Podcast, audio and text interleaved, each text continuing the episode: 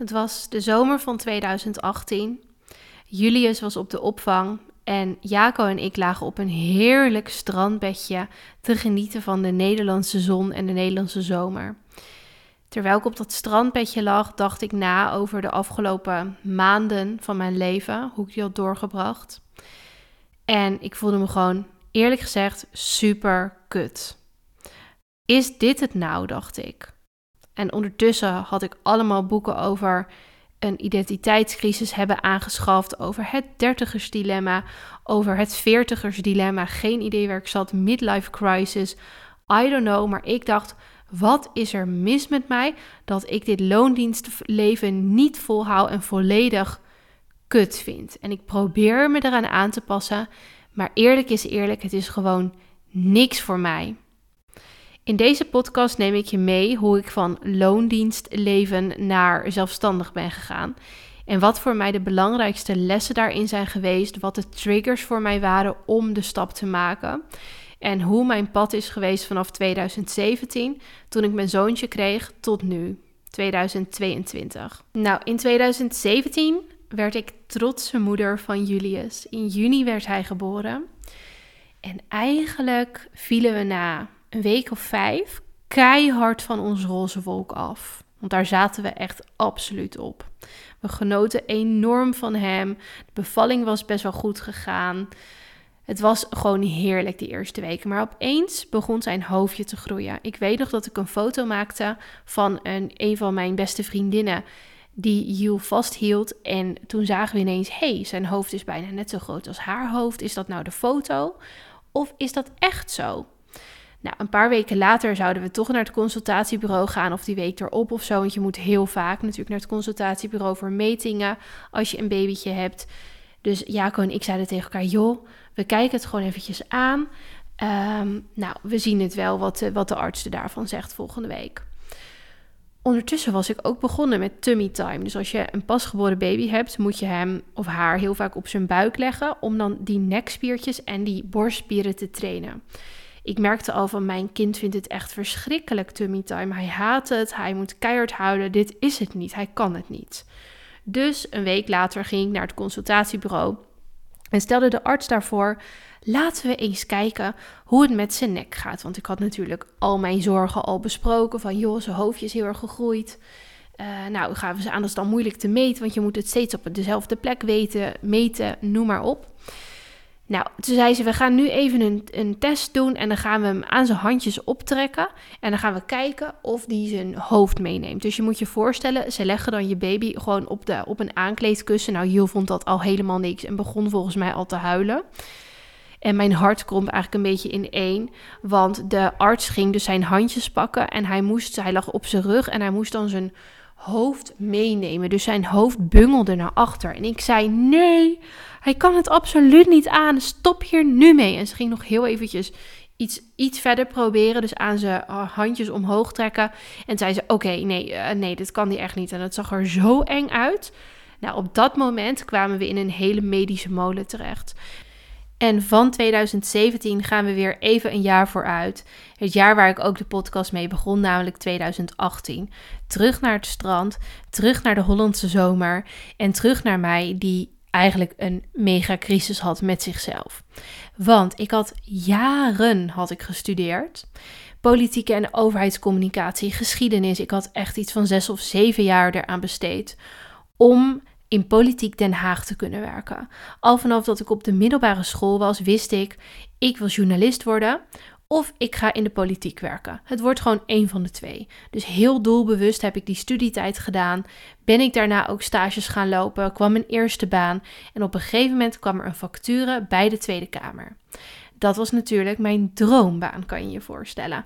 En het ging ook nog eens over communicatie en social media.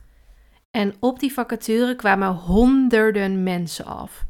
Ik wist al, dit is waarschijnlijk een baan die heel veel mensen willen. Er kwam nooit een vacature op de communicatieafdeling. Deze keer was die er wel. Dit was mijn kans. Dus ik ging helemaal los en had een idee voor Instagram bedacht dat ze nog niet hadden. En uiteindelijk werd ik uit al die honderden mensen aangenomen. En het voelde echt alsof ik een soort van lot uit de loterij had gewonnen, maar ook dat ik hem keihard had verdiend. Dus ik ging heel hard aan de slag. En het eerste jaar was het ook gewoon leuk. En ik had net een baby natuurlijk, dus het was wel eventjes wennen. Maar toen ging het nog op zich oké met Jul. En ik had vooral die baan die ik gewoon geweldig vond, waar ik altijd naartoe had gewerkt. En ik dacht, I can have it all. Ik kan een baby hebben en een carrière en het is gewoon helemaal geweldig. Yes. Nou, daar kwam ik dus al heel snel van een koude kermis thuis. Want het was super moeilijk om de zorgtaken voor Jul, die eigenlijk steeds meer werden. Er werd steeds meer onduidelijk. Hij werd natuurlijk steeds ouder. En het werd dus steeds duidelijker voor de, voor de uh, artsen ook en voor ons van, oh, hij doet dit niet, hij doet dat ook niet. Oh, maar hij doet dat ook niet. Dus hij begon eigenlijk steeds verder achter te lopen. Dus eigenlijk gingen de alarmbellen best wel rinkelen. En namen ook de zorgen bij onszelf gewoon heel erg toe. Daarnaast zat Jules helemaal niet lekker in zijn vel. Hoe ouder die werd, hoe minder lekker die in zijn vel zat. Hoe meer dat hoofdje ging werken en hoe meer hij bewust was van de wereld om zich heen. Hoe minder fijn hij zich ging voelen. En wij moesten daarmee dealen. We moesten heel vaak naar het ziekenhuis. We moesten uh, checks afwachten. We moesten soms op DNA-onderzoeken van de klinisch geneticus een half jaar steeds wachten. En we hebben er nu in totaal vier gehad. Er is nooit iets uitgekomen. Maar je kan je voorstellen, ik had natuurlijk zo'n high potential baan. Dus mijn werk lag onder een heel groot vergrootglas. Nou, je kan je voorstellen, dat, is, dat levert nogal wat druk op. En daar kan ik prima mee omgaan. Maar thuis had ik ook hartstikke veel druk. Dus dat bij elkaar was heel erg intens. En nu had ik dus het gevoel, na al die jaren van studie en hier naartoe werken, naar mijn doel, had ik dit doel bereikt voor mijn dertigste. En dan voel ik me zo erbij. En denk ik, is dit het nou? En is dit dan het leven dat ik moet gaan leiden de komende 30 jaar? Totdat ik met pensioen kan. 35, 37 jaar. Totdat ik met pensioen kan gaan. Wil ik dit wel? Nou, steeds kwamen er van die vragen terug en er bleef maar zo'n knagend gevoel bij mij uh, zitten. En ik wist niet wat ik daarmee moest. En als ik nu zo terugkijk in 2022 op dit moment in 2018 en waarom ik er nog daarna ook nog een hele tijd mee door ben gegaan, dan denk ik, weet je wat me gewoon zo in de weg zat? Dat is mijn ego. Mijn ego vond het maar al te leuk om daar te werken. Ik had er keihard voor gewerkt natuurlijk. En ik was er super trots op. Mensen vonden het super interessant als ik er iets over vertelde. Als ik op een verjaardag kwam, wilden mensen er alles van weten. Ze vonden het helemaal een interessante wereld. En ik vond dat ook maar al te leuk. Maar als ik echt naar mijn hart luisterde en naar mezelf keek, werd ik hier helemaal niet blij van en zelfs ongelukkig van. En dat was dan vooral ook de combinatie tussen die baan en Julius. En laat Julius nou eigenlijk de sleutel zijn voor een heel nieuw hoofdstuk in mijn leven. Ik zit in de auto en het is uh, mei. Ik ben van Den Haag op weg naar de Hoorneboegse Heide. Dat is een hele mooie idyllische plek. Dus op een open, hele grote heidevlakte bij Hilversum in de buurt. Misschien ken je het wel. Je hebt daar een prachtig oord, dat heet de Hoorneboeg. En dat is een plek waar heel veel spirituele events plaatsvinden. En ik ging naar het event van de Bewustzijnsschool, naar een heel leven in liefde, gegeven door de eigenaresse Marieke van Meijeren tijdens dit retreat, ik wist eigenlijk niet precies wat ik kon verwachten. Ik was dus vet zenuwachtig van tevoren. Ik wilde het eigenlijk gaan afzeggen, maar ik ging er toch maar heen. Maar tijdens dit event gingen we twee dagen lang gingen we met ons hart bezig. We gingen in ons hart en lichaam zakken. We gingen uit het hoofd. En daarvoor deden we transcendente reizen. Moet je maar eens googlen als je het niet kent.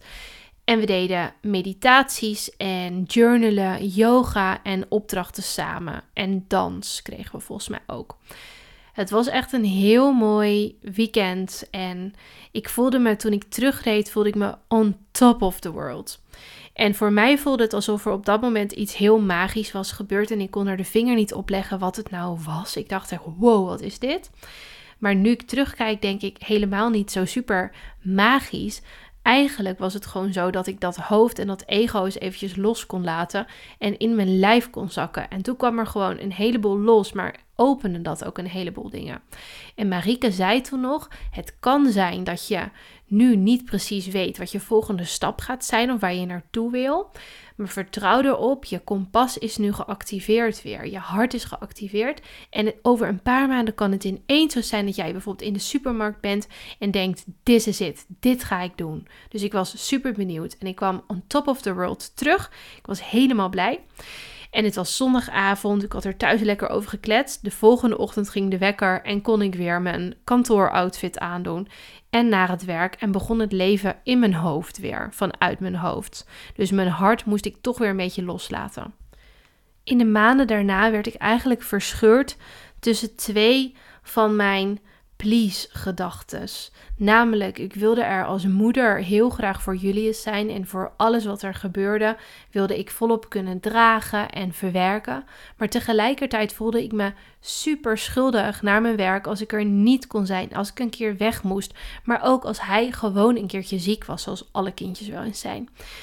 Ik kon dat gewoon moeilijk met elkaar verenigen, die twee werelden. Ik vond het allemaal ingewikkeld en ik vond het steeds irritanter dat ik op bepaalde tijden op een werkplek aanwezig moest zijn. En dat ik beschikbaar moest zijn, dat ik appjes kreeg, dat ik mails kreeg. Ik werd er gewoon helemaal gek van. Ik dacht, ik wil op mijn eigen voorwaarden werken. En toen werd er toch iets in mij getriggerd. Op een gegeven moment ging ik een visualisatieoefening doen. Ik ging lekker met mijn ogen dicht op bed liggen. En ik dacht van laat ik nou eens eventjes kijken hoe mijn ideale dag er nou uitziet. Ik had dit niet ergens gelezen, maar ik had het ineens bedacht. Van misschien is dit iets wat helpt, waardoor ik me fijner ga voelen. Hoe ziet die ideale dag er dan uit? Want ja, ik wist echt helemaal niet welke kant ik nou op wilde. En dit was toch wat ik altijd had gedacht. Dus waarom, waarom werkt het dan niet? Ik moest iets gaan vinden wat wel werkte. Ik had een nieuw doel nodig. Dus ik begon de visualisatie bij de ochtend. Oké, ik word wakker, zo stelde ik me voor, in een mooi en groot huis. Jaco en Julius zouden naar beneden gaan om te ontbijten en ik zou dus mijn yoga kleren gaan aandoen. En dit probeerde ik die visualisatie dus niet heel erg te gaan bedenken, maar echt met mijn ogen dicht, een beetje in zo'n staat van dat je half aan het dommelen bent, aan het wegdommelen. En dat je gewoon dus aan, lekker aan het fantaseren bent. Meer in die staat. Dus niet te veel vanuit ratio, maar meer vanuit onderbewustzijn bijna. Nou goed, ik ging de yoga outfit aandoen. En ik ging lekker op de yogamat staan. Eens even wat oefeningen doen. Heerlijk. Daarna ging ik douchen. En ik trok dus een spijkerbroek aan, zo'n losse Levi's denim, de 501, misschien ken je hem wel. Met een hele mooie warme trui erop. Zo'n hele mooie van Acne Studios. Misschien ken je die ook. Ben ik fan van. In ieder geval, daarna ging ik naar beneden om te ontbijten. Lekker met een koffietje in alle rust. En dan at ik mijn ontbijtje op en ondertussen ging ik een beetje in mijn journal schrijven. En dan zouden we onze jassen aan gaan doen, lekker warm aankleden en naar buiten gaan voor een wandeling met z'n drieën. Als ik terug zou komen, zou ik denken: Goh, nu ga ik eens eventjes mijn laptop openklappen. Nou, en zo ging die visualisatie nog verder natuurlijk, totdat ik weer ging slapen s'avonds. Maar voor mij zaten er al hele belangrijke sleutelpunten in. Ik heb hem toen ook opgeschreven meteen van hoe ziet het eruit. Ik wist, doordat ik opschreef en visualiseerde voor mezelf, bedoel ik, wist ik dat ik uh, die broek bijvoorbeeld, die spijkerbroek, die denim had ik aan met die trui. Nou, ik wist, als ik bij de Tweede Kamer werk, heb ik niet zeg maar die spijkerbroek zo aan en die trui. En op een ander kantoor of in een overheidsfunctie, uh, politieke communicatieachtige functie waarschijnlijk ook niet. Want dat is een wereld van hoge hakken en mooie pakjes, mooie mantelpakjes. Dus waarschijnlijk is het echt iets heel anders. En ik kan dus rustig aan wakker worden en ik kan dan yoga doen. Bij welke geweldige baan kan dit? Dacht ik echt, wow, dit lijkt me geweldig. Want ik voelde helemaal een kriebel in mijn buik wow, oké. En dat ik dan ook nog rustig kan ontbijten en journalen, dus intunen met mezelf en mijn hart. En dat ik dan daarna ga wandelen met mijn gezin. En pas daarna doe ik mijn laptop open. Wow, dit is echt geweldig. Deze baan, ik moet hier meer over weten. Maar ik had ondertussen nog steeds geen idee wat het nou voor baan zou kunnen zijn. Ik zat een beetje te denken aan een, een plek zoals een soort start-up of zo. Ik kende bijvoorbeeld een, uh, een bedrijf Zeepje dat uh, wasmiddel, ecologisch wasmiddel maakt. Nou, daar dacht ik dan bijvoorbeeld aan. Maar dan ging ik eens googlen en dacht ik, hm, nee, deze dingen spreken me ook allemaal niet aan. Dit paste ook niet bij me. En op een gegeven moment, dat is in augustus was dat van dat jaar, zei ik tegen mijn collega's tussen de middag in de pauze. Ik zei: Jongens, ik ga nu even weg. Want ik ga namelijk een camera kopen. Ik had dat van het een op andere moment eigenlijk bedacht in die zomer dat ik een camera zou gaan kopen. En meteen een hele goede, want dit zou wel eens iets kunnen zijn dat ik wilde doen. Dus ik ging naar de fotowinkel in Den Haag, naar HAVO. Dat is echt een hele fijne fotowinkel. Misschien ken je hem, zit in Chinatown in Den Haag. En daar kocht ik al mijn fotospullen. Nou, ik stond daar dus helemaal bezweet op, ja, zweet op mijn rug, op mijn hoofd. Want ik ging namelijk nu eventjes 1500 euro afrekenen aan een camera en een lens had ik het uitgegeven. En ik vond dat bizar veel, echt bizar veel. Maar ik had het wel gedaan en ik wist eigenlijk niet wat ik ermee ging doen.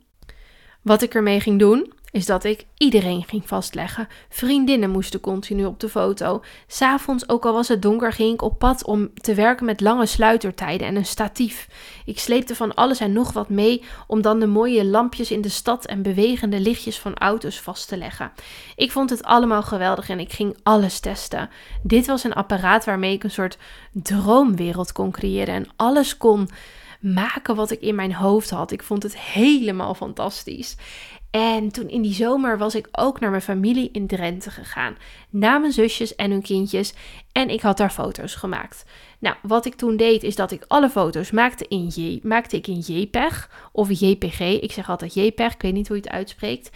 En die foto's die deed ik dan vervolgens op mijn telefoon met zo'n knopje dat je het kan delen vanuit je camera. En die ging ik eens eventjes editen met een filter erop. Nou, ik deed er een filter op en hij was klaar de man van mijn middelste zusje die zei: Anneloes, je moet echt professioneel gaan. Dit is zo leuk hoe je hiermee bezig bent. En hij bedoelde: open een Instagram-account en be out there, get out there.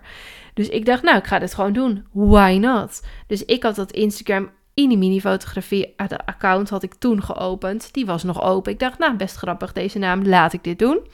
En daar ging ik dus gewoon die foto's, die JPEG'jes met die filtertjes eroverheen, ging ik daar posten. En ik had mezelf dus uitgeroepen tot fotograaf. Waren dit dan echt geweldige, fantastische, hoogstaande foto's die ik postte? Nee, absoluut niet natuurlijk. Maar ik begon gewoon ergens. En er zat iets in. Ik voelde die spark. Ik vond het helemaal geweldig. Ik wist ook wel dat, dat dit nog niet het niveau was waar ik wilde zijn. Maar ik deed het gewoon. En soms maakte ik foto's dat ik dacht: ja, deze, deze kant wil ik op. Hier wil ik meer van.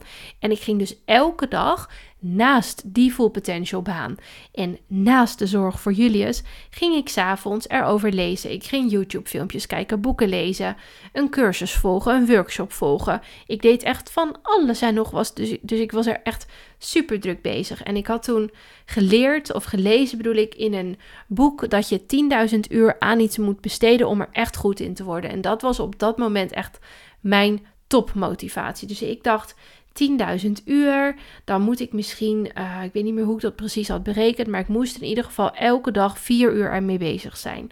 Om dan een beetje in een paar jaar dat niveau van de professional te bereiken. Dus daar ging ik voor. Ondertussen postte ik dus die foto's op dat Instagram-account. En ik weet nog dat ik toen een paar collega's had. Nou, die gingen ook vlak daarna trouwens weg. Maar die zeiden, die vonden het allemaal maar een beetje grappig en een beetje gek ook. En dat vond ik toch wel spannend of zo. Ik vond het toch spannend wat mensen er dan van zouden vinden. Dat ik mezelf had uitgeroepen tot fotograaf.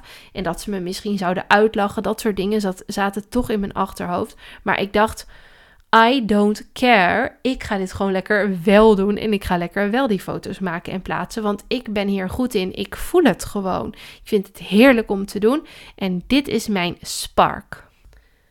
En ik bleef die foto's plaatsen. Ik bleef lekker posten. Ik bleef bewegen. Ik zette stapjes. Ik leerde elke dag bij, letterlijk. Ik ging portfolio shoots doen en langzaam maar zeker ging een balletje rollen. Op een gegeven moment had ik genoeg portfolio shoots en ik had dus een mailadres aangemaakt en ik had die foto's, die, die JPEGs met die preset dingen erover, die filters eroverheen, had ik ook op mijn website geplaatst. Want die had ik dus ook. En op een gegeven moment kreeg ik een e-mail van iemand en die zei: Hoi, ik hoorde via die en die dat jij nog iemand zocht om op de foto te zetten. Nou, wij hebben net een baby gekregen en wij willen wel model staan voor je portfolio shoots. Dus ik mailde terug. Hoi, ja, ik uh, super bedankt voor je mail, maar ik heb eigenlijk al genoeg mensen nu op de foto gezet voor de portfolio shoots en ik heb er nog heel veel in de planning. Maar je kan me wel boeken en het kost 100 euro, 99 euro of zo had ik er dan van gemaakt. En ze mailde terug en ze zeiden: Oké, is goed. En daar was mijn allereerste verkoop. Echt super cool. Oh, trouwens, mijn aller, allereerste was via een van mijn collega's die een shoot voor 50 euro cadeau ging doen aan haar vriendin met kinderen. Dus dat was echt mijn allereerste shoot. Maar deze kwam dus echt via dat mailadres binnen en dat vond ik echt heel cool. Nou, dat gaf me super veel motivatie. Ik had natuurlijk steeds meer beelden om te delen. Ook al waren ze niet perfect en niet perfect geëdit, omdat ik dat nog helemaal niet kon en nog steeds met die onnozele filters werkte. Dat maakte allemaal niet uit. Ik was in beweging en ik ging gewoon. En er kwamen een paar aanvragen binnen. Gewoon om te oefenen nog steeds. Daar voelde ik me comfortabel bij, bij dit bedrag, om dat daarvoor te vragen. En mensen waren er ook heel blij mee steeds. Super gaaf. Nou, ik had toen een winactie gedaan op mijn Instagram. Ik had maar heel weinig volgers, maar ik had met een kleine influencer samengewerkt. En zij had hem ook gedeeld, mijn winactie. En toen had ik ineens gewoon 14 boekingen. En ik nam maar één shoot aan in het weekend, want meer lukte natuurlijk niet met mijn loondienstbaan er nog bij en met Jul. Dus ik had elk weekend tot aan het einde van het jaar had ik een shoot staan. En toen begon het echt te rollen. En in die tijd, dus dat ik die shoots had staan, die maanden, die, die volgden ongeveer drie maanden, zei ik tegen mezelf: Jij gaat nu Lightroom leren. Je gaat gewoon alles daarover kijken. YouTube de hele tijd. Je gaat alles oefenen. Wat zit waar? Trial and error. En je gaat gewoon zorgen dat je hier beter in wordt. Denk aan de 10.000 uur die je ergens in moet stoppen. Begin nu met het eerste uur. En zo ging ik mezelf Lightroom leren. En werd het dus alsmaar drukker in mijn business. En dit was ook het moment dat ik dacht: Wauw ik doe dus wat mijn hart wil. Ik volg mijn hart hierin. Dit is geweldig. En ik weet nog dat ik door de duinen fietste in Scheveningen. En met mijn camera, die zat in mijn fietskrat. Ik had zo'n groot krat op mijn fiets. En de zon ging al bijna een beetje zo mooi golden hour-achtig worden. En ik moest gewoon echt even huilen. Ik dacht, wauw, dit is echt wat ik wil. Dit is het. En ik ben zo blij dat ik vanuit die crisisstaat hier ben gekomen. En nu ik erop terugkijk, kan ik ook zeggen dat Julius en de ontwikkelingen en de, de zorgen die er om hem waren en om zijn gezondheid, dat die er echt voor hebben gezorgd dat ik bij alles een vraagteken zette. Dus dat ik echt ging denken: wat vind ik nou belangrijk in het leven? Is dit het nou wel? En ik ben dus heel erg blij dat ik daar doorheen ben gegaan. En ik weet ook echt zeker dat ik zonder Jul niet hier was gekomen waar ik nu sta. Wat er daarna gebeurde is dat het steeds drukker en drukker werd. En mijn werk werd steeds beter, want ik oefende natuurlijk nog steeds elke dag. Als ik geen shoot had, deed ik wel iets anders om te oefenen. En ik ging ook in de Tweede Kamer fotograferen. Als er een keer een fotograaf niet kon, dan ging ik dus zeggen van oké, ik ga dit wel doen. Dus dan ging ik eerst foto's maken van een personeelsbijeenkomst of zo. Niet zo spannend, niet iets wat naar buiten moest, maar meer voor het interne blad of zo was. Maar daarna ging ik ook eens een keertje in de plenaire zaal foto's maken van een Kamerlid dat beëdigd werd. Vet spannend, want ik was toen ineens op televisie te zien daardoor met mijn camera. Dus ik ik vond het, ik, ik, had weer, ik was weer helemaal uh, aan het zweten, zeg maar. Ik vond het hartstikke spannend, maar ik deed het wel gewoon. En door die dedication, door die toewijding, door dus elke dag ermee bezig te zijn, ging ik groeien. En dat is ook iets wat ik je heel graag mee wil geven. Van wil je ergens naartoe, naar je doel misschien? Werk jij nu ook nog in loondienst? Wil je heel graag van je fotografie kunnen leven, zoals ik dat doe? Ga elke dag ermee bezig. Ga niet bijvoorbeeld je tijd besteden of misschien wel verspillen aan Netflix-series kijken. Maar kijk eens hoeveel tijd je kan besteden aan het volgen van cursussen, het kijken van YouTube-video's, het oefenen met je camera, uh, shoots doen. Je kan zoveel doen, ook s'avonds. Of als je terugrijdt van je werk bijvoorbeeld, kun je podcasts gaan luisteren. Uh, ik noem maar wat. En daardoor kun je ook met je ontwikkeling bezig zijn. En dit op dagelijkse basis een stapje zetten, dat maakt echt het verschil. Want als je dat allemaal bij elkaar optelt, dan ben je na een paar jaar dus echt veel verder. En het gaat niet om de grote, grote resultaten of de grote doelen.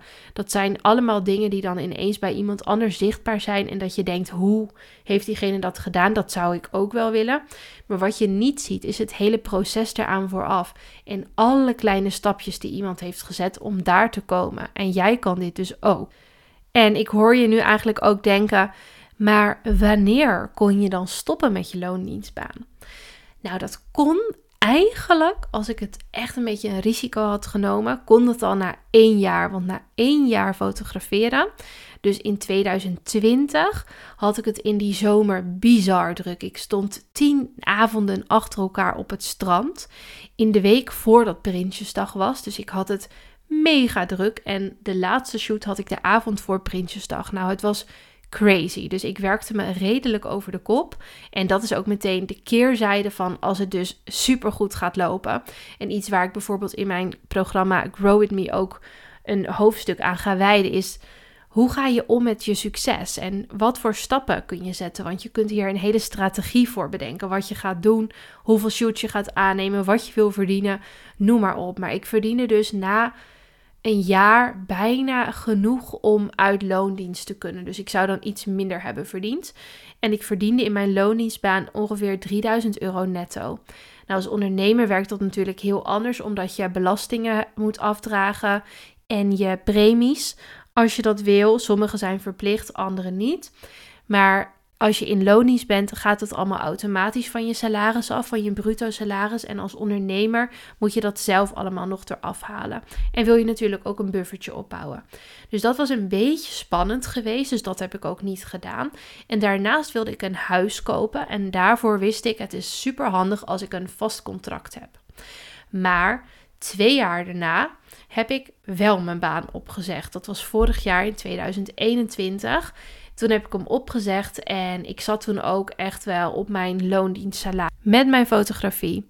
Ik vertel je in Grow With Me hier trouwens meer over, over hoe ik een strategie heb gemaakt om van punt A naar punt B te komen qua salaris.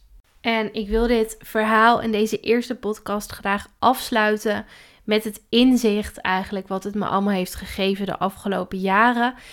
Is dat Julius mij zo erg van mijn hoofd naar mijn hart heeft gebracht. Het is zo prachtig en wat heel veel moeders en vaders ook vaak omschrijven is dat je hart gewoon veel groter wordt zodra je een kindje krijgt.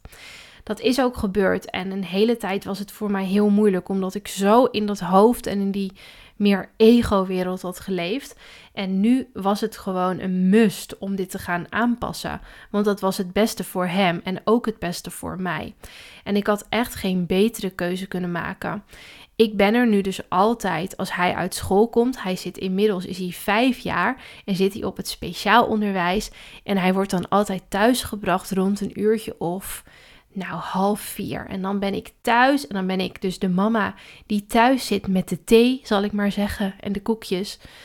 Maar ik ben ook de mama die ondernemer is en aan haar kind laat zien dat je niet hoeft vast te zitten in een rol en dat je niet hoeft vast te zitten in een keuze, maar dat ik laat zien aan hem: mama kiest haar eigen pad en mama heeft haar eigen route bepaald. En dat is, ik wil een voorbeeld voor hem zijn. En hij is weer een voorbeeld voor mij. Hij heeft me zo erg geholpen om op dit pad te komen. En ik ben hem daar zo dankbaar voor. Het was niet altijd makkelijk, maar inmiddels weet ik ook. Als je door iets gaat wat nu even heel zwaar voelt, misschien heb jij dat nu. Altijd als ik daar doorheen ga, is het daarna nog beter. Want dat is elke keer een uitnodiging tot een transformatie. Dus mocht jij nu ook in hetzelfde schuitje zitten als ik in 2018 en je weet het allemaal even niet, Doe de visualisatieoefening bijvoorbeeld. Ga verbinden met je hart. Ga schrijven in een journal. Kijk waar jij blij van wordt. En misschien is dat ook wel fotograferen, want ik denk dat hier veel fotografen naar gaan luisteren. Maar misschien is het iets anders wat jij heel leuk vindt. Maak daar verbinding mee en kies ervoor om er elke dag aan te gaan werken en aan jezelf te gaan werken. En je zult zien dat je je dan beter gaat voelen en dat je kunt gaan leven vanuit wat jouw hart wil. Ik hoop dat ik je mocht inspireren met deze aflevering, deze eerste podcast. En ik ga snel een tweede maken, want ik vind het hartstikke leuk om jullie in mijn wereld wat verder mee te nemen. Doei!